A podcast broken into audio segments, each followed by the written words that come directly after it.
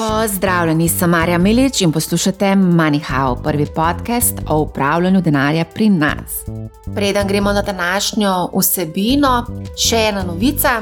Kot sem že omenila, MoneyHow poslušajo pretežno moški poslušalci in smo jih zelo veseli.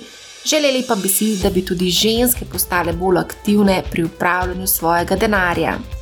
Zato smo se za ustvarjalko podcasta In Bed, Klaro Leben, odločili pripraviti finančno delavnico za ženske z naslovom Finančno močna. V živo se bomo družili 17. februarja ob 17. uri.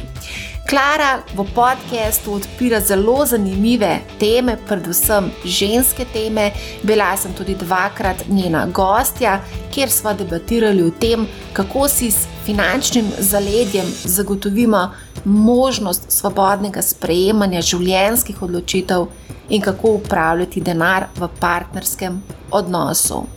Skratka, če menite, da bi vsebina koristila vaši boljši polovici, sestri, sestrični, teti, mami, prijateljici, sosedi, ji prosim posredujte povezavo, ki jo najdete prav tako v opisu te epizode.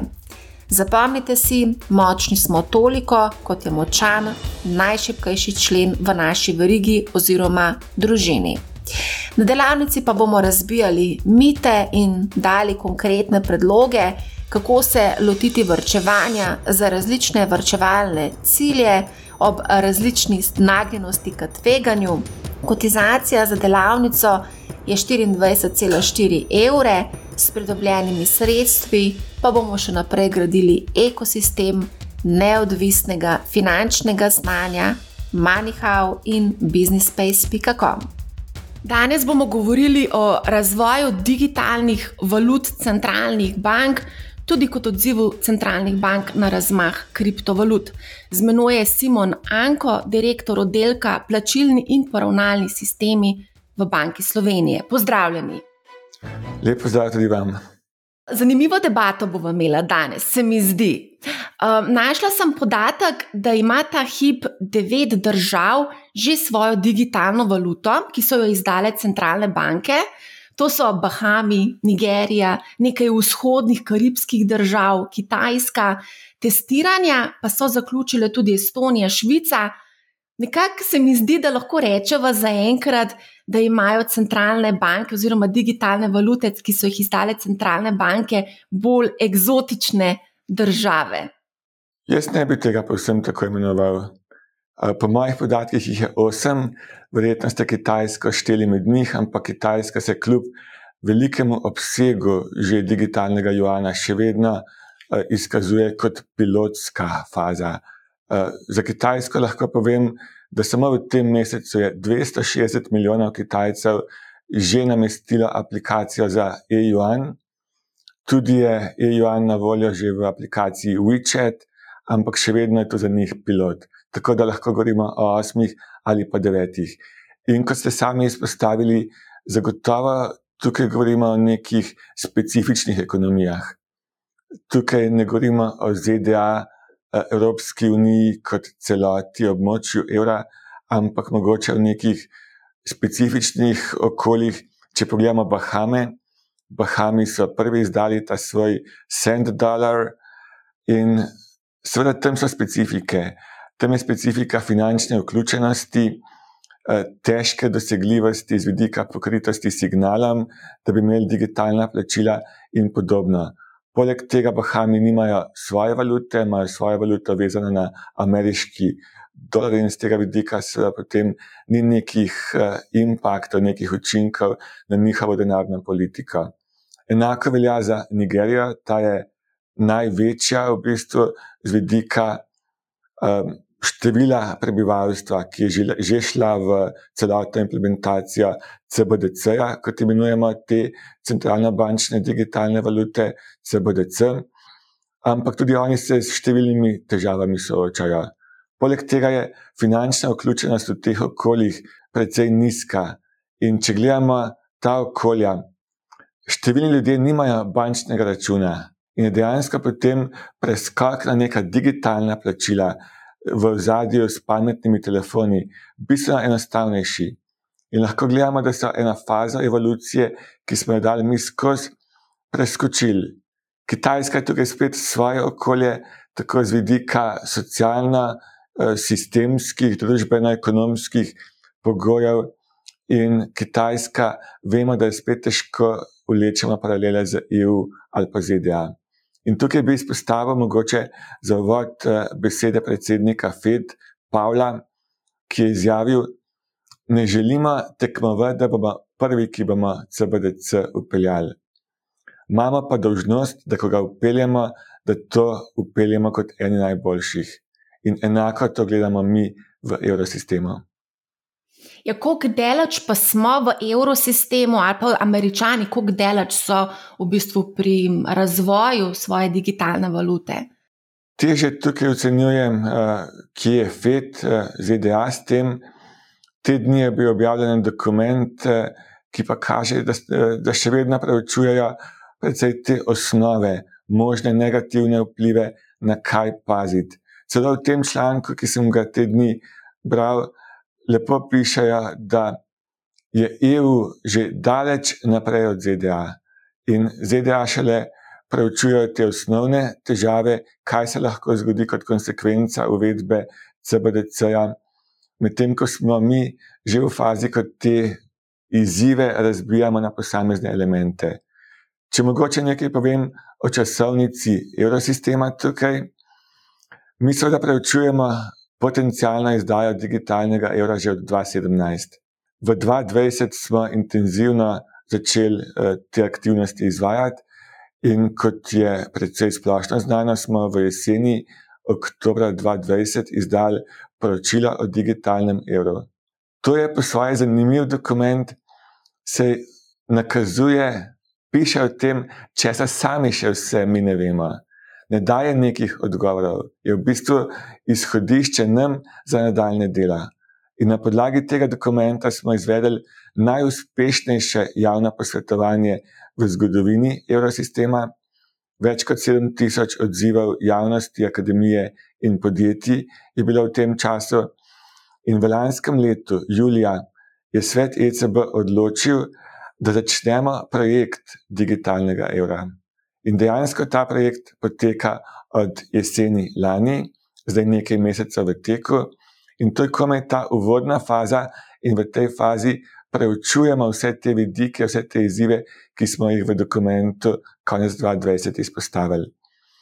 Naprej časovnica mogoče tukaj nujno izpostaviti, da odločitve o tem, ali bomo sploh kdaj dobili digitalni evro, te še ni. Osebno mislim, in danes bom mogoče povedal, ali pa zagotovo nekaj stališč, ki niso nujno tudi stališča Banke Slovenije. Ta disclaimer je tukaj na taki tematiki, seveda, nujen. Ambicija je, da potem po koncu te faze, ki zdaj poteka in se bo nekje v slabih dveh letih zaključila, da si zamišljamo, kako naj bi ta digitalni evro izgledal, kakšna tehnologija bo zadaj, kakšen bo vpliv na finančno stabilnost, kakšne dodatne mogoče pravne podlage potrebujemo vzpostaviti, ne sami skupaj s komisijo in pa parlamentom, seveda. In s tega vidika delamo izjemno intenzivno. Vse, vse te zadeve, ki zanimajo deležnike danes, so v fazi naših intenzivnih preučevanj. Končna časovnica, če gledamo izjave člana Executive Boarda ECB, gospoda Panete, lahko bi dobili konec 2025, v 2026 digitalni evro v prvi izdaji. Zanimivo. To je pa kar relativno hitro, ne? čez tri leta, oziroma štiri. Ne? Sem vesel tega vašega odziva. Običajno dobivamo odzive, da smo počasni. Ampak tukaj sem zelo na liniji s predsednikom FED-a Pavlom, da ne smemo hiteti. To so taka tveganja, tako velika ekonomija, ekonomija, ki je razvita, ki že ima številne digitalne rešitve za plačevanje. Govorim seveda o EU kot celoti. In tukaj je tudi na kocki ugled evrosistema, kaj bomo vzpostavili. Ali bomo to, kar bomo vzpostavili, tudi uspeli potem uveljaviti, da bodo ljudje to kupili, v navednicah. Ne želimo samo nečesa dati od sebe in potem, uh, da se to ne bo uveljavilo. To, to je tveganje ogleda. Zato preučujemo, kot se omenja, številne aspekte, na kaj vse lahko ta izdaja vpliva. Uh mhm. -huh. Zdaj, ko um, omenjate uporabnost, ne, na kitajskem imajo kar nekaj izzivov, tudi razdeljujejo žetone E1 med prebivalstvo, zato da bi spodbudili uporabo tudi razne te tehnološke oziroma te aplikacije mobilne, kot ste že omenili na začetku, uh, ponujajo možnost plačila. Kako vi vidite, um, ali bodo evropejci z lahkoto sprejeli digitalni evro in kakšen bo naš odnos potem tudi do gotovine? Ja, to vprašanje gotovina, digitalni evro se vse skozi postavlja. In bom začel mogoče tukaj. Danes je gotovina v obtoku izjemno velika. In tudi velik delež gotovine se še za plačila uporablja. Na podlagi naših zadnjih študij Eurosistema iz 2019, več kot 70 odstotkov plačil po številu je še vedno gotovinskih. To je izjemno visok delež in segajo do 88 odstotkov na Malti, nekaj manj na Nizozemskem, seveda Švedska, ki ima najmanj, Švedska ni del evroobmočja. Tako da se bom tega dotaknil, vidika za enkrat, gotovina, digitalna valuta uh, evrosistema. Gotovina zagotovo bo obstala. Tukaj sem jaz v to prepričan, tudi so to vse izjave vodstva ECB, da ne želimo gotovine ukiniti. Ne smemo pozabiti, gotovina je zakonito plačilno sredstvo. In to je izjemno pomembna značilnost, element gotovine, tako bankovcev kot kovancev. In mi ne želimo gotovine ukiniti ali aktivno spodbujati njene ukinitve, vsekakor pa želimo ohraniti uh, neko, nek medij, konkretno tukaj vzpostaviti digitalni evro, ki bo še vedno imel podobne lastnosti. Ta lastnost, ključna tukaj, pa je seveda to trijatev do evrosistema. Da pojasnim ta pojem, kaj pomeni trijatev do evrosistema. To pomeni, da je ta medij, to premoženje, ta denar, ta valuta netvegana. Vemo, da smo NCB evrosistema po defaultu netvegane, mi smo emisijske banke in trijatev do evrosistema je netvegana če pogledamo paralelo s poslovnimi bankami, eh, seveda imamo v poslovnih bankah jamstvo za depozite, ampak nad tem zneskom je terjatev do poslovne banke tvegana. In tukaj želimo ohraniti nek medij, ki bo na voljo predvsem javnosti. Tukaj govorimo od začetka, seveda o tem, da bo digitalni evro namenjen javnosti za plačevanje. Ni namenjen še nekim velikim zneskom, ali kdaj bo, ne vemo ampak predvsem, da se ponudi v času, ko obseg gotovine za plačevanje počasi upada, da ne nadomesti nujno tega segmenta, ki upada, neke privatne rešitve, ki so lahko, konec koncev, tudi imajo svoje temelje izven EU, in govorimo tukaj o vidikih geopolitike. EU si želi neke strateške neodvisnosti od ostalega sveta, tudi na teh vsebinah. Ali so digitalne valute centralnih bank odgovor na razmah kriptovalut? Spet pa mogoče odziv malenkost daljši, da cela slika uh, povzamem. Če gledamo kriptovalute, pa gre pa tako imenovati, sodobni um, novejši akti jih mogoče imenujejo drugače, kriptosredstva, kriptoassets, ampak ostaniva, ostaniva pri kriptovalutah in mogoče ta pojem vseeno še bolj uveljavljen. Če gledamo kriptovalute, začetne, Bitcoin in pa podobne. Bitcoin nima elementov denarja, nima. Če pogledamo volatilnost te, tega premoženja, te kriptovalute, ne mogoče je postaviti cenike v tej valuti. Jaz vem, da lahko kupim pico tukaj v Ljubljani z bitcoini, ampak A ste mogoče videli v tisti pizzeriji cenik v bitcoinih? Ga ni. Cenik je v fiat valuti, v evrih in se potem vsakič konverzija izvede. To pomeni, da iz tega vidika bitcoin neučinkovit za plačevanje. Z izjemo seveda kakšnih nišnih zadev, kot so seveda kriminal, izsiljevanje, temni net in podobno, ampak tega si ne želimo. Obenem pa te kriptovalute niso dosegle neke take kapitalizacije, da bi lahko pomenile sistemsko tveganje, vsaj še nedavno tega. Ko so ugotovili uh, te ljudje, jaz jih cenim iz finteha zaradi njihove inovativnosti, te pomankljivosti Bitcoina. Obenem je tudi še za izpostaviti počasnost, seveda, in pa neučinkovitost. Na podlagi podatkov, ki jih imam, uh, Bitcoin mreže zmore med 7 in 10 transakcij na sekundo. 7 in 10. To je ne mogoče potem globalno s takim sistemom plačevati. Recimo, viza tam nekje 25 tisoč na sekundo. Zdaj si pa to uh, pogledamo, s čim se lažje plačuje, pa ne da bi bilo tukaj za viza kakršen koli EPP. Odziv je seveda bil uh, fintech javnosti ali pa fintech uh, podjetij, stabilni kovanci. Tukaj smo se pa zamislili, da stabilni kovanci pa nimajo več te volatilnosti, imajo tudi načeloma, govorim načeloma, neko podlago, ki je lahko ali v fiat valuti, ali v kompozitu fiat valut, ali pa v nekem premoženju, v komoditiju.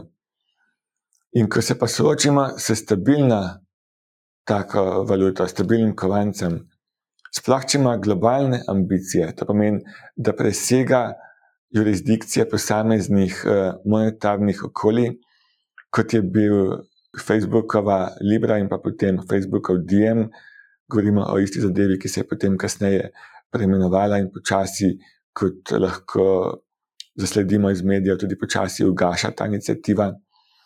To seveda pa potem nam da misel. Ko bi pa neka privatna plačilna inicijativa, ki zagotavlja stabilnost in, uč, in učinkovite mehanizme plačevanja, se pojavlja.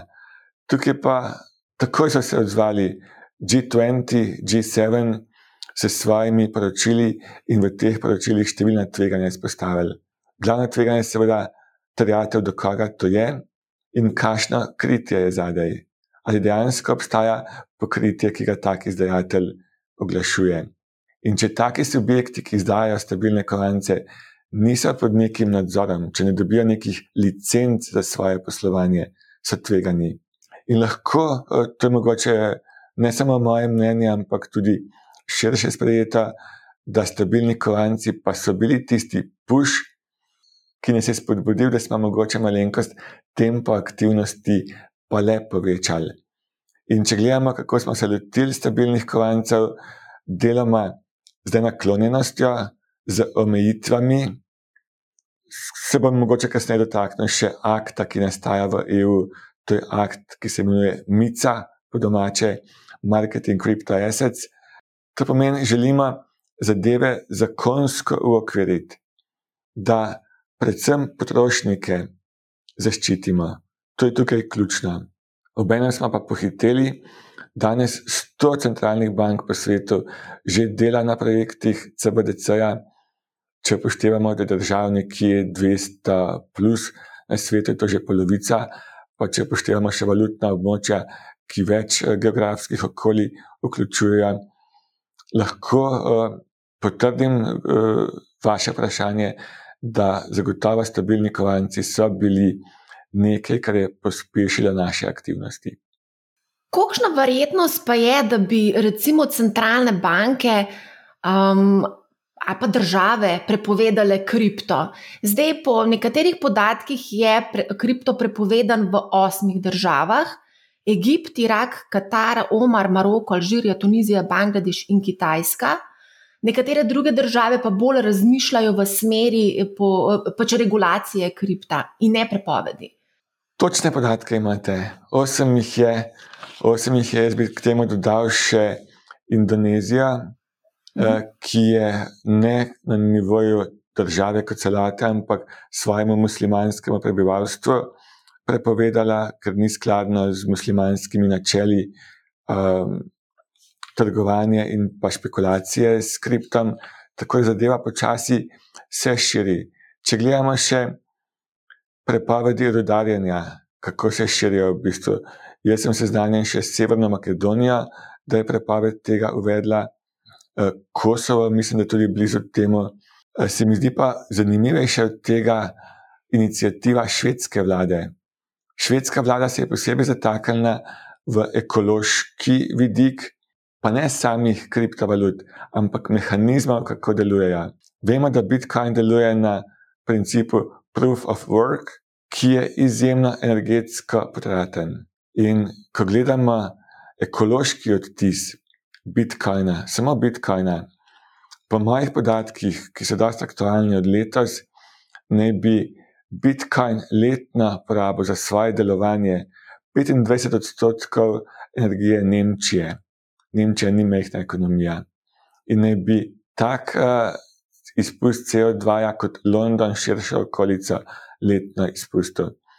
In ko govorimo o vseh teh podnebnih aktivnostih, omejevanja izpustov CO2, verjamem, da bodo te inicijative za omejevanje takih kriptoimeti, takih kriptovalut, vse pogostejše. Tako da tukaj ne ciljamo konkretno na posamezne s takimi pobudami, na posamezne kriptovalute, ampak na njihov način, na njihov koncept delovanja. Nujno je pa tukaj izpostaviti eh, ta nastajajoči akt Mika, marketing kriptoassets, ki nastaja nekje bliže se koncu usklajevanja teksta. Tukaj pa cilj predvsem uokviriti stabilne kovance. Stabilne kovance, njihove izdajatelje in jim dati neko legitimiteto. Vedno imamo možnost, ali nekaj prepovemo, ali pa nekaj v zakonske okvire spravimo. In se potem te subjekti, seveda, z našimi zahtevami, ki so povezane z zagotavljanjem finančne stabilnosti, uskladijo. In vam povem iz svojih izkušenj, da številni ti subjekti želijo biti skladni, hodijo do nas, kaj vse smo dolžni izpolniti, da bomo lahko legitimno, legalno poslovali. Da zaključim to misel, bi samo še izpostavil en princip eh, oblikovanja zakonodaje in pa teh prepovedi. Najlažje je nekaj na pamet prepovedati, ko ne veš, kaj to je, česa se bojiš. Ampak EU vse skozi pazi, da ne ubija novih eh, tehnologij, inovacij v njihovi fazi nastajanja. Ključno je ugotoviti, če mogoče tako povem figurativno, da ta žival pokaže svoj značaj. Če ne veš v bistvu, kaj sledi, če samo neka inovacija, neka invencija, kot je recimo blockchain bil, ali pa konec koncev Bitcoin, še lahko pokaže, čemu dejansko lahko služi, kakšne konsekvence ima potem eventualno začneš omejevati. Najslabše z vidika spodbujanja inovativnega okolja je to, da bi iz strahu pred tem, ko ne vemo, kaj lahko nekaj bi bilo, to omejimo. Enako so Kitajci postili. Kitajci so počakali, da so se njihove privatne platforme, kot so WeChat Pay ali Pay, razmahnile, sami so uvedli digitalni juan, ga spravili v te dve privatni Eh, denarnici, če jih tako imenujem, waleta in zadeva deluje perfektno. Zakaj bi še dovoljevali zdaj v teh pogojih eh, kriptovalute, ki samo tveganja pomenijo in špekulativa? Kakšen je pa odnos ECB-ja in Banke Slovenije, konec koncev, do drugih kriptovalut? Ni samo Bitcoin, so tudi druge kriptovalute. Banka Slovenije je že pred časom, v 2018, ko je bil tisti zadnji velik hype na kriptu, mm. konc 2017, smo objavili opozorila, da ne ljudje pazijo, da govorimo o nekih špekulativnih imetih, ki nimajo zadaj realnega premoženja, bodimo objektivni. Uh, valute, kot so Bitcoin, ne ustvarjajo cash flowa, nobenega cash flowa ni, ni dividend. To niso vrednostni papiri, ki bi lahko nekaj imeli. Tudi nimajo konc koncev likvidacijske vrednosti. Likvidacijska vrednost Bitcoina je nič, če gledamo tako. Če gledamo zadeva še bolj um, natančna, je negativna. Dovolite mi tukaj, da mogoče zgodbo malenkost širše zapeljem, pa se bom potem vrnil k stališču Banke Slovenije in pa Eurosistema. Danes imamo po statistiki iz tega meseca več kot 10 tisoč kriptoimeti. Kaj to pomeni?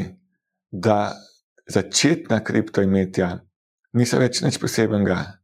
Če je bilo včasih argument, da lahko Bitcoin ščiti pred inflacijo, smo potem lahko ugotovili, da ker ima omejeno emisijo, lahko vodi v deflacijo, poleg tega imamo pa inflacijo kriptovalut, ki je zdaj tukaj v bistvu kakšna korist eh, teh eh, valut.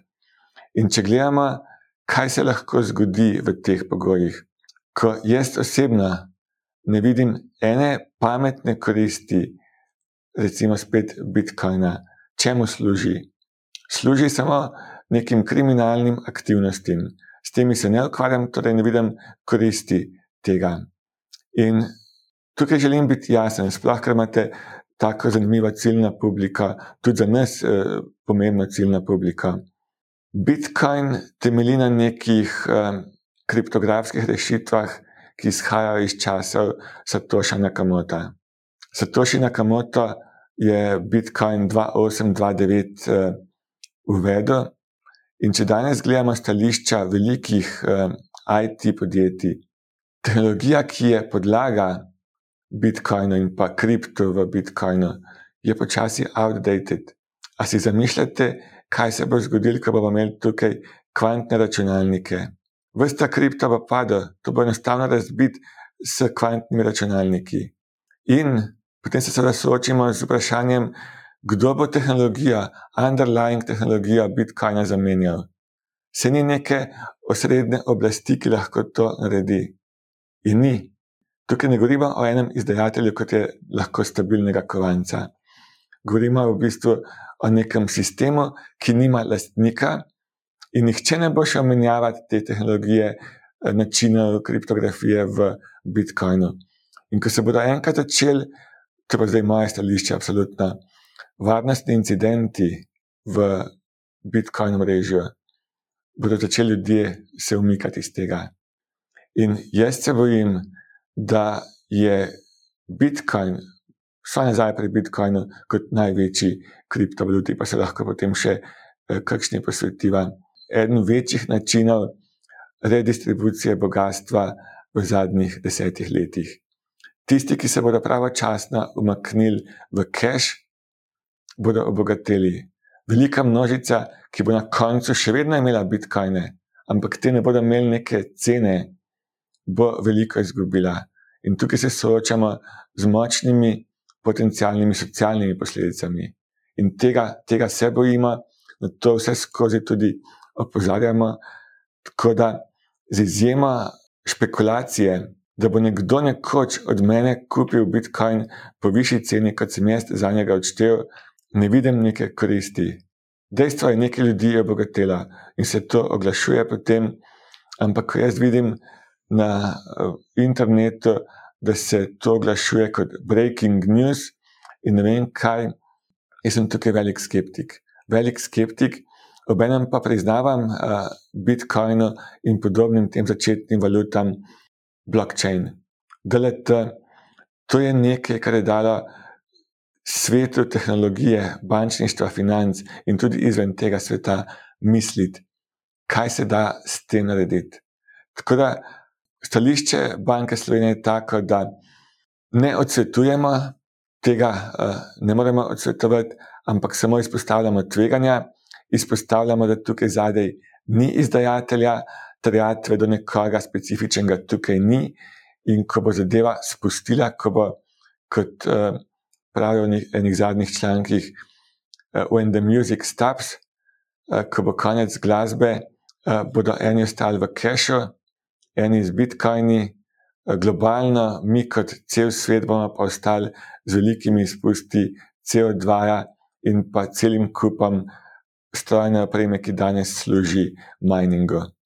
Kar veliko zanimivih stvari ste povedali, ampak uh, gremo mogoče vsem pogledati, ker se razvijajo tudi druge tehnologije, druge rešitve v kriptosvetu in nekako poskušajo konkurirati Bitcoinu. Govorimo o Etru, Solani, Cardano, Terra in druge kriptovalute, ki počasi pridobivajo oziroma pridobivajo na veljavi. Kako pa na te kriptovalute oziroma kriptoimetja gledate?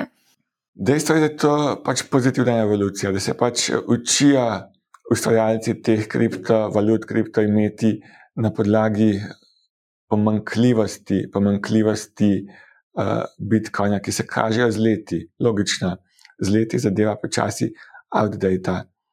Ampak ali v pogojih, če bi se to zgodilo, ko bi doživeli kolaps Bitcoina, jaz potem pričakujem, da bi potem ljudje splošno izgubili v ta špekulativna imetja, ki nimajo zadaj cash flowa, ki ne nosijo dividend in dejansko omogočajo samo špekulativen zaslužek, da bi izgubili zaupanje. Poglejmo, recimo, uh, zagotovo poznate kriptovaluto Dogecoin, ki je bila izdana kot eh, šala. Ljudje so uh, masovno vlagali, kakšna je danes kapitalizacija Dogecoina, ne vem, ampak to je kriptoimetje, kriptovaluta izdana za hec. Nič ne ponuja, nič ne obljublja, celo napiše v začetku, da je to samo šala.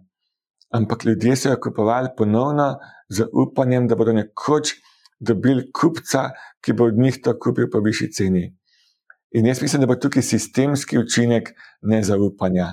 Obenem se bodo pa legitimni, stabilni kovanci pojavili, ki bodo služili tistim osnovnim idejam Satoša Nakamota po plačevanju in pa seveda odziv vseh nas, CBDC-ji. Tako da bomo videli, kaj bo. Ta akt Mika, ki nastaja, ne samo, da bo stabilne kovance urejal, tudi bo uredil uh, menjalnice, menjalnice vseh kriptoimeti. To pomeni, zadeva počasi prehaja v neko urejeno okolje. To je bil nujen odziv ob dani kapitalizaciji že možnih sistemskih učinkih na finančno stabilnost. Tako da z tega vidika uh, vidim prihodnost uh, kot zanimiva, ampak uh, ne vidim več možnosti, vsaj v nekem petletnem obdobju, lahko bistveno manj let, nekih špekulativnih zaslužkov na tak način, kot so danes mogoči. Mogoče sam pri tem Dogecoinu, ki je dejansko res nastal iz šale, Jokecoin je to ne, ampak vseeno, recimo, dobiva neko veljavo v javnosti. Danes lahko Tesla kupimo z Dogecoinom, tudi lastnik Mavericksov je omogočil kupovanje tega merchandisa ne, z Dogecoini, tako da je nekaj, nekaj je na tem. Ne? ja, seveda je, si tudi lahko, kot vem dodatno opremo za Tesla kupite z Bitcoini. Zadeva je zaenkrat likvidna in konec koncev se lahko se plačila izvede s čemkoli. Vi lahko neko študijo prodate za dve gajbi jabolk, ni kazniva. Lahko, če jih vzamete kot plačila, je to popolnoma mogoče. Tako da tukaj teh omejitev ni, ob spoštovanju seveda vseh davčnih predpisov. Enako lahko jaz kupim v teoriji pico tukaj v mestu z bitcoini, ampak dejstvo je, da trgovec, eh, gostinc že dobi fiat valuto. To pomeni, da je samo to kot eh, nek umestnik. Zdaj mi pa povejte, zakaj bi jaz z nekim umestnikom plačeval, ali je to samo kot eh, nekaj zanimivega, kot eh, nekaj. Dodatna, privlačnega, če vam jaz lahko v žepu aplikacijo za takošnja plačila v fiat valuti. Še eno zadevo sem vas mislila vprašati, ker ste omenili Miko in uh, da bodo ponujali, da ste pripravili neke rešitve v smislu nekih novih menjalnic. Kaj pa to pomeni za obstoječe menjalnice? Dejstvo je, da ta akt Mica, Mika, kot ga imenujete, meni je ime Mica všeč, zato je pač tako, tako zveni. Vem, da je to Mika po angliško. To samo pomeni za njih jasne okvire, kako se uskladiti, da bodo zakonsko skladni. Samo to. In ko k nam subjekti pristopajo, večina subjektov, ki želi delovati na poljih kripta ali pa celo v povezavi s fiatom, vedno več je povezovanja kripto in pa fiat načina plačevanja, ko želijo podjetja to povezovati, želijo licence, ki jih mogoče danes še ni, vsaj za kriptodel. To pomeni, da ta podjetja niso nekaj, kar bi čez noč lahko se postavila in potem čez noč izginila, ampak dejansko so ambiciozna. Želijo vzpostaviti skladnost, vse zahteve glede eh, preprečevanja pranja denarja, glede compliance, vsega tega KYC-ja. In če ni jasnih zahtev, lahko samo poskušajo. Ko pa enkrat tak subjekt bo lahko dobil pomiki, dovoljenje, bo zagotovo imel skozi to, da ima neka licenca, distinkcijska prednost vizavi tistim, ki tega ne bodo imeli. Tudi v javnosti bo potem prepoznavnost subjektov z dovoljenji, seveda, bistveno boljša od tistih, ki, je, ki jih ne bodo imela. Prej ste omenili tudi davke, zdaj veliko se nekako govori in nekako tudi želi obdavčiti uh, kripto. Uh, kako vi mogoče gledate na kripto obdavčitev? Če pogledamo valute na Forexu, se pravi valutno trgovanje, to je neobdavčeno. Če naredimo neko paralelo, ki sicer ni čist primerljiva, ampak ja. Tukaj bi se pa v bistvu odrekel pojasnevanju, ki je pa v celoti v pristojnosti finančne prave in ne želim uh, dajati stališč, ki bi lahko bila nekompetentna z vidika pristojnosti Banke Slovenije. Uh -huh. Prej ste tudi omenili, da bo veliko ljudi izgubilo premoženja. Verjetno, je, verjetno poznate strategijo trgovanja, oziroma ne trgovanja, hodl, hodlari se imenuje, se pravi, da kar držijo svoje pozicije. Mogoče spremljate, trgova, kako se trguje s kriptom. Potencialno bodo ljudje izgubili premoženje. Jaz eh, tukaj vseeno nimam kristalne krogle, jaz samo iz dejstev, ki sem jih eh, izpostavil, in tveganj, ki so inherentna, sploh pri Bitcoinu, ki ima tehnologijo, ki počasi bo za časom in jo bo lahko kvantni računalniki zaobšli. Kaj se bo zgodilo? Nobenemu ne privoščim, seveda, izgub. Ampak v takem sistemu, ki niti ni poncijeva schema, Poncijeva schema je zelo sam game. Tam nekdo dobi, nekdo izgubi. Tukaj bo nekdo dobil, nekdo bo na koncu, če bo do tega spusta balona prišlo, bo izgubil. Obenem imamo pa še onesnaženje, imamo ekološki odtis, imamo cel kup strojne opreme, ki ne bo več v funkciji.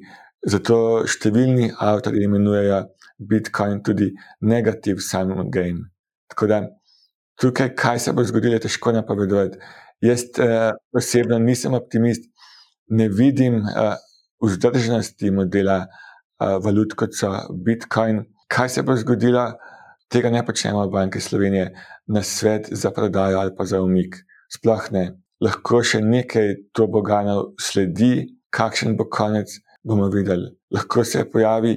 Satoshi Nakamoto 2, ki bo tehnologijo zamenjal in bo zadeva spet um, z tega vidika kibernetsko odporna. To, to so špekulacije. Tako da ne vzeti teh mojih izvajanj kot na svet. Uh -huh, uh -huh. A mogoče tudi vi ste uh, odprli račun na kriptomenjalnici, mogoče kupil kakšno kriptovaluto, tako da vidite, kako zadeve v ozadju delujejo? Ja, zanimivo vprašanje. Jaz sem vsebinsko tak skeptik, da se v to nisem spuščal. Jaz zadeva poznam iz teorije, kako se to izpelje, nisem pa nikoli do konca šel. Tako da, um, ne, jaz sem ekonomist po izobrazbi, poznam uh, logiko teh modelov in lahko samo tako odgovorim, da mi ob vseh dobičkih in pa ljudeh, ki so dosegali dobičke, do danes ni žal, da nisem šel v to. Mogoče bi sem še tole, kar ste že večkrat omenili, ta ekološki odtis. Ravno danes zjutraj sem brala en članek o švedski in e-kroni, in so ugotovili, da v bistvu je manjši ekološki odtis e-krone kot pa recimo eh, kartičnega poslovanja. Tako da tudi razmišljajo v smeri uh, te um, zelene tranzicije, bom tako rekla. Absolutno. Če govorimo o tem, da bo CBDC komplement gotovini, pa zagotovo vsaj deloma bo posegal v ostale načine digitalnega plačevanja. Ali so to plačilne kartice ali običajna plačila bančna. Če imamo mi CBDC, je to samo nek zapis v neki digitalni denarnici, nek account-based zapis.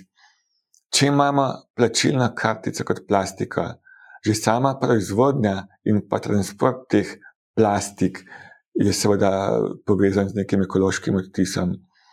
Poleg tega, bodimo pošteni, trgovci, ki sprejemajo plačila, njim ni vse, s čim plačate, njim vseeno. Čeprav po zakonu je cena za vse načine plačevanja ista, ko vi nekaj kupujete, ampak trgovcu ni, vse, ni vseeno. Predvsem se ne zavedajo tega, da tudi gotovina kot taka ni zastojna. Ko vi dobite gotovinski popust, trgovec običajno ne ve, kaj to pomeni za njega, da konec koncev, konec dneva, pologi gotovine, odvodi gotovine, poleg tega se lahko zgodijo vmes ponaredki, pa z tega vidika nekaj izgubi. Z vidika družbe kot celote, gotovina se obrabi, sploh bankovci, na nekaj let in zahtevajo eh, zamenjavo. Poleg tega gotovina zahteva fizično distribucijo. Vemo, kako poteka eh, s kamioni po Sloveniji ali Slovenije eh, do trgovcev in nazaj. Vse to z digitalno valuto odpade. Mhm. Zato je eno od ciljev ECB, evrosistema, ko uvajamo digitalni evro, tudi zmanjšati ta footprint, kot ga imenujete, ekološki, ekološki odtis. Zagotovo, ko se pošle neko številko nekam, uh, je zadeva dosti enostavna. To ni potem dveh kamionov s spremstvom. A, bo, a bodo centralne banke s CBDC lažje uravnavale količino denarja v obtoku? To je zanimivo vprašanje, z njim se seveda še ukvarjamo. Uh mhm. -huh. Dejstvo je, da odvisno od tega, kako bo digitalni evro izdan. Če bi želeli omejevati obseg digitalnega evra, k temu se lahko mogoče še kasneje vrnemo, k vlogi bank, poslovnih bank v celem sistemu in pa k implementaciji denarne politike, vedno obstaja možnost, da nekaj, kar je v digitalni obliki, tudi obrestuješ. Danes eh, gotovina v nogavici bo taka, kot je naslednji dan, kljub inflaciji, neodvisna od uh, ležarin in podobnega, bo znesek popolnoma isti. Ko imamo pa enkrat digitalna valuta, jo je pa mogoče obrestovati. Kako bo to se izvajalo, zagotovo lahko v digitalni obliki pospešimo transmisijo monetarne politike, ampak kot sem omenil, vse te aspekte še raziskujemo. Projekt poteka od lani jeseni, poteka bo dve leti, in imamo še cel, cel kup vprašanj, ki jih rešujemo tukaj. Tako da te aspekti izvajanja monetarne politike, njene transmisije, finančne stabilnosti, te so ključni. Ni ključen samo uh, končna izvedba, front-end, uporabniška izkušnja, ampak tudi te sistemski učinki. In če na, za, na začetek se vrnem, konc koncev, ko ste Bahame omenili, tam teh vidikov ni, niso tako pomembni. Mi pa vse te aspekte upoštevamo ob tem, ko snujemo izdajo digitalne valute. Mhm. Kakšen bo pa vpliv na inflacijo? Vpliv na inflacijo, tukaj bo povezan s transmisijo monetarne politike. Uh-huh. Če, če bi olajševal digitalni eurotransmisijo uh, monetarne politike, lahko tudi s tem inflacijo uravnavamo. Absolutno. Ampak tudi to je v bistvu eden aspektov, ki so še v fazi preučevanja, zagotovo eden kompleksnejših, eden kompleksnejših, ker ima sistemske učinke in na tem, na tem še delamo. Ja, kaj pa bo se zgodilo z bankami in drugimi finančnimi posredniki ob morebitni upeljavi CBDC-ja? Ja, a, to je ena ključnih bojazni bank. Kje bomo pa mi, ko boste vi to upeljali? Dajmo upoštevati dejstvo, kakšna je danes vloga poslovnih bank ob distribuciji gotovine. Na okencih lahko dobite gotovino, lahko jo dobite na bankomatih teh istih bank. In dejstvo je, da mogoče je evrosistem sposoben tehnično izpeljati dejstvo, da bi vodil račune 500 milijonov ljudem, kot nas je v EU. Ampak jaz si tega ne zamišljam, ker konec koncev ni samo račun voditi taki masi ljudi, zahtevajo se vsi postopki zadaj, od onboardinga, to pomeni uvajanja posameznih deležnikov v sistem, do KYC-ja, to pomeni identifikacije teh uh, komitentov, in ne na zadnje, seveda, ob vsakem plačilu preveriti, ali je skladna zakonodaja. Dejstvo je, da to bodo digitalna plačila, vsaj v online uh, načinu, in za digitalna plačila v EU že danes obstaja zakonodaja, ki je na nivoju EU enotna, tudi v Sloveniji veljajo iste zakonitosti, in z tega vidika, seveda, tukaj ne bo enakih stopenj anonimnosti in pa zasebnosti, kot je danes zagotovina. Nazaj k vlogi bank. Sam si zamišljam, da bodo banke tiste, ki bodo zagotovile distribucijo digitalnega evra, ne nujno samo banke, ključno je, da bodo to neki subjekti, ki bodo imeli dovoljenja, ki bodo nadzorovani, finančne institucije, lahko tudi ne bančne, konc koncev, tudi ne nujno vse banke. To je še v bistvu uh, za doreč do konca, kdo vse bo, ampak drugačnega sistema, kot je dvostopenski, si ne zamišljam. Poleg teh elementov, ki sem jih izpostavil, onboarding, KYC, AML in te zadeve, je pa še nekaj pomembnega. Eurosistem nima izkušenj z uporabniško izkušnjo končnega komitenta. Mi še nismo nikoli pisali enih aplikacij za 500 milijonov evropejcev in tukaj je to ključno. UX, kot se to imenuje, uporabniška izkušnja, user experience, front-end in tukaj si želimo vlogo bank. Tako da jaz za banke vidim tukaj novo vlogo, dodatno priložnost, če jo bojo v tem videli. Tudi ne želimo, da je digitalni evro neka ločena, ločen wallet, ločena denarnica. A si zamišljate, da boste okoli hodili z Apple Payem, Flickom, pa še digitalnim evrom in potem iskali na telefonu, s čim bom pa zdaj plačala. Ne želimo si tega.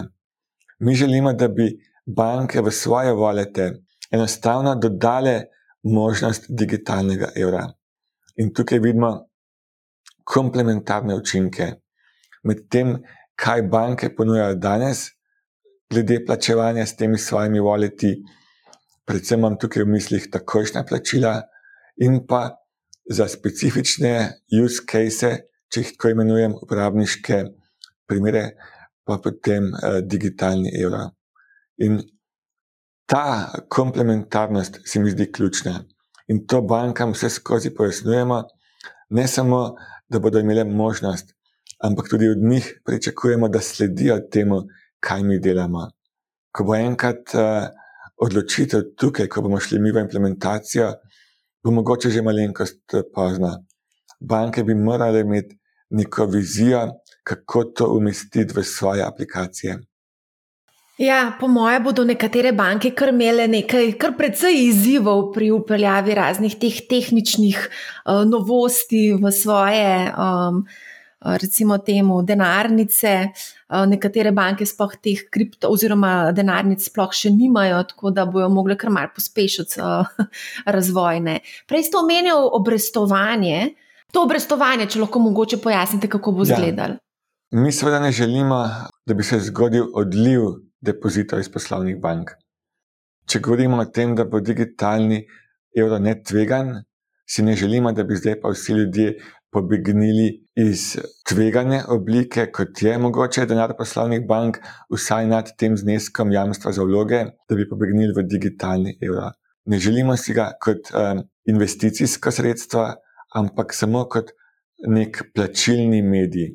In kako to zagotoviti? Sploh ob kakšnih bančnih krizah, bi to lahko samo še v digitalni obliki pospešili naval na banke.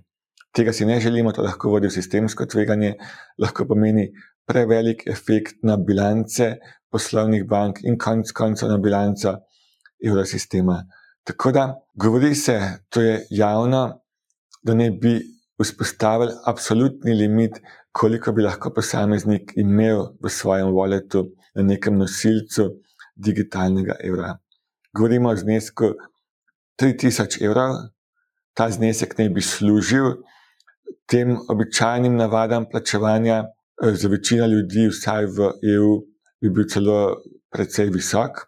Kako pa potem ljudi od tega, da bi dejansko bežali v digitalni evro, je pa še alternativa temu limitu. Da bi mogoče nad nekim zneskom, znesek digitalnega evra, ki bi ga posameznik imel, manj ugodno obrestovali in skozi to v bistvu to desincentiv, ali kako se to imenuje, uh, odvračilne elemente upeljevali. To bi lahko tudi potem bilo povezano seveda z implementacijo uh, denarne politike, vplivom na inflacijo, uh, ampak to je spet vse v fazi raziskovanja. Predvsem si ne želimo in ne bomo dopustili, da bi digitalni evro pomenil beg depozitov iz poslovnih bank. Verjetno pa to tudi pomeni, da verjetno se ne bi mogel zgoditi scenarij negativne obrestne mere in plačevanje, seveda potem tudi prenos tega na fizične osebe oziroma na pravne subjekte z plačevanjem ležarine. Zadeva je naslednja. Zagotovo tega mejnega zneska ne.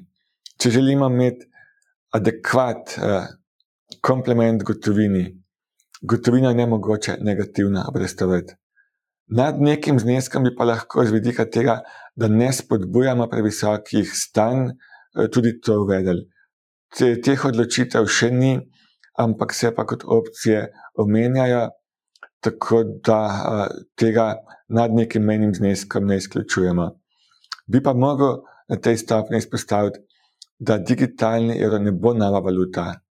To ni nova valuta, to je samo nova oblika valute, ki jo že poznamo ki jo imamo, konec koncev, te dni je bilo 20 let, ko imamo bankovce v evrih. Tako da zdaj pa mislim, da v digitalni dobi je čas za naslednjo stopno evolucijsko. Mhm. Kako bo pa to vplivalo na posojanje denarja? Verjetno imate v mislih uh, P2P, ja, med posamezniki. Ja. Če, če govorimo o teh uh, P2P lending platformah, tukaj nekega učinka ne bo. Danes uh, v dobi takošnih plačil, takošna plačila v EU postajajo standard. Da mogoče pojasnim, kaj takošna plačila je. To je plačila, ki pa zahtevah, pravilah scheme takošnih plačil doseže končnega prejemnika najkasneje v desetih sekundah in to kjerkoli v območju EU se bodo v valuti evra. Izkušnje okoli so, da je to manj kot dve sekundi običajno. 10 sekund je po schemi, ampak to je praviloma manj kot 2 sekundi.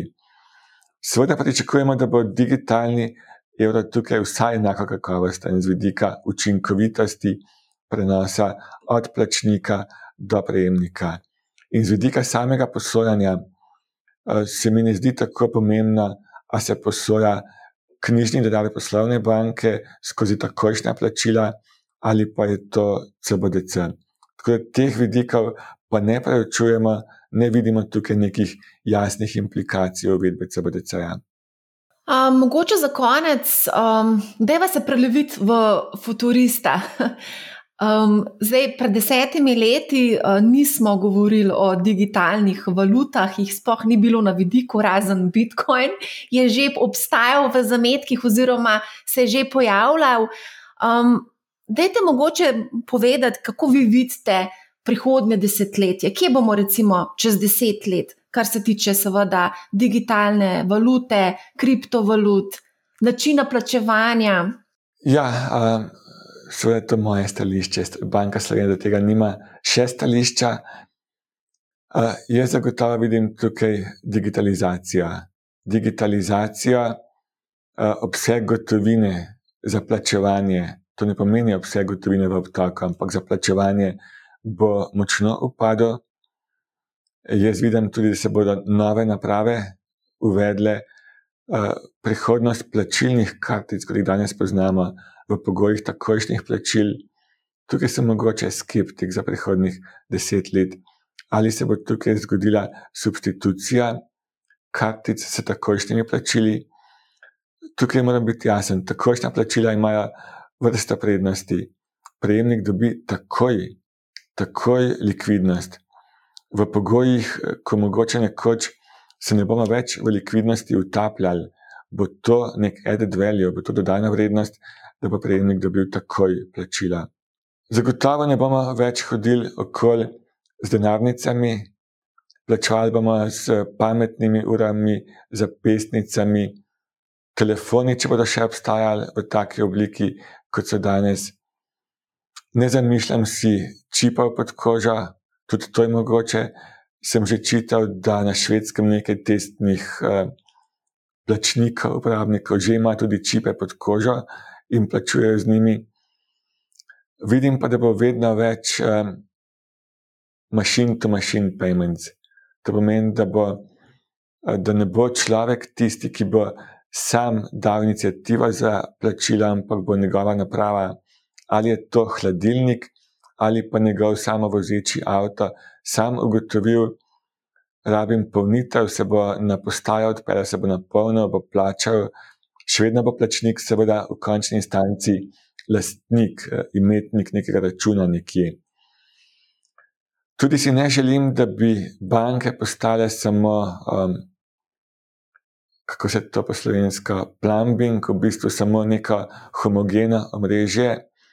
Jaz vidim, da bi banke lahko zajahale ta val finteha, ne tega tveganega, pa špekulativnega, ampak tega razvoja tehnik plačevanja. Zagotovo je to za manjše banke dosti teže, govorimo o nekih fiksnih investicijah, večje banke pa tega ne bi smele zamuditi. Tako da jaz mislim, da je prihodnost, da bodo plačila vedno manj moteč dejavnik. Jaz to pogosto imenujem, da je plačila moteč dejavnik. Ko na spletu kupujete, a se vam da na koncu potem še vnašati vse tiste podatke, da boste plačali, in potem, aha, unesla sem številko svoje plačilne kartice, a pa jaz zaupam temu, mogoče pa ne bom kupila. In teh abandon ratev je izjemno veliko pri spletnih nakupih. Tako da jaz vidim, da bo vedno več teh varnostnih elementov, da bodo plačila postala seamless, če jih tako imenujem, brez stična in vedno manj moteč element. Vi boste pač kupili, samim plačilom se sploh ne boste ukvarjali, ali vas bo trgovina prepoznala po vašem videzu, prstnem odtisu ali čem podobnem. Še vedno plačila bodo, zagotovo, nekje v zaledju se bodo odvijala, vedno več bo prepoznave vaše biometrije in boste s temi elementi plačevali. Ključno pa bo se zagotoviti kritje, da boste imeli skip plačevati. Mhm. Ja, pa se to se v bistvu zdaj že počasi dogaja, recimo Amazon trgovine, um, lahko že kupujemo brez uh, stika.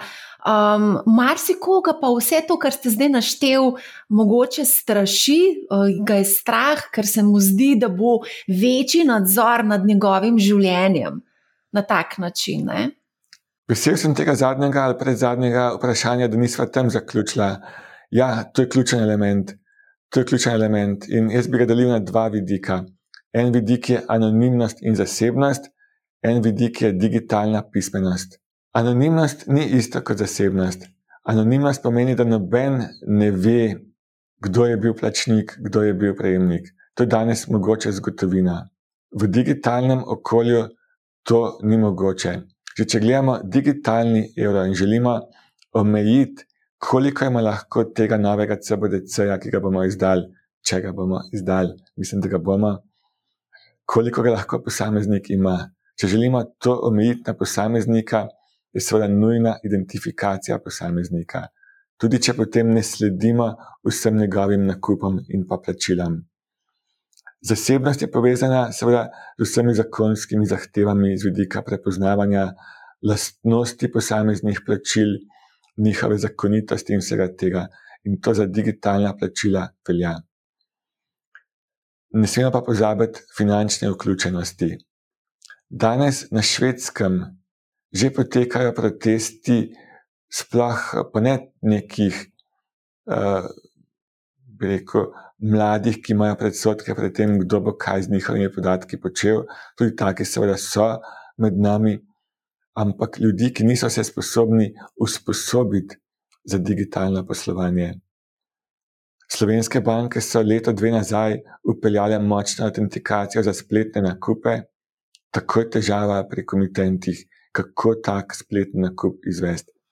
In tukaj bo ključna uh, dva elementa: usposabljanje komitentov za nove načine plačevanja, in pa seveda zagotoviti da gotovina ostane dostopna. da se zagotovi minimalen uh, obseg mreže distribucije gotovine, bankomatov za tiste, ki ne bodo sposobni ali pa ne bodo želeli teh digitalnih načinov prevzeti. Tako da to je zelo pomembno. Hvala za to vprašanje. Se mi zdi izjemno pomembno to izpostaviti, da digitalizacija ne želi postati edini element plačevanja. Verjetno je temu treba dodati, da poleg digitalne pismenosti je ključna tudi finančna pismenost, ker se mi zdi, da z digitalizacijo postajajo stvari zelo enostavno dostopne in zelo hitro te lahko zapelje v razne skušnjave, bodi si hitri krediti, sposojene denarja ali pa mogoče špekuliranje na raznih kripto ali pa borznih trgih, ne? ker je v bistvu vse dostopno z enim klikom. Ne? Absolutno, in pa zaupanje. Vsi vemo, zaupanje tudi. Vsi vemo, kako je zaupanje ena občutljiva žival, plaha žival, kot bi nekdo imenoval za kapital ali kako je že bilo tisto. Um, tukaj bo en incident v tem novem ekosistemu odmeven in ljudje lahko tako izgubijo zaupanje. Zato je pomembno, kako te nove rešitve zasnujemo, da ni nekih varnostnih tveganj, da podatki ne uhajajo. Mislim, želimo, da bi podatki o digitalnem evro, o plačilih z njim ušli. Že tako si jih ne želimo imeti. Evrosistem ni eden tistih, ki bi komercialno živel od teh podatkov ali pa imel v njih nek interes. In to je za zaupanje ključno.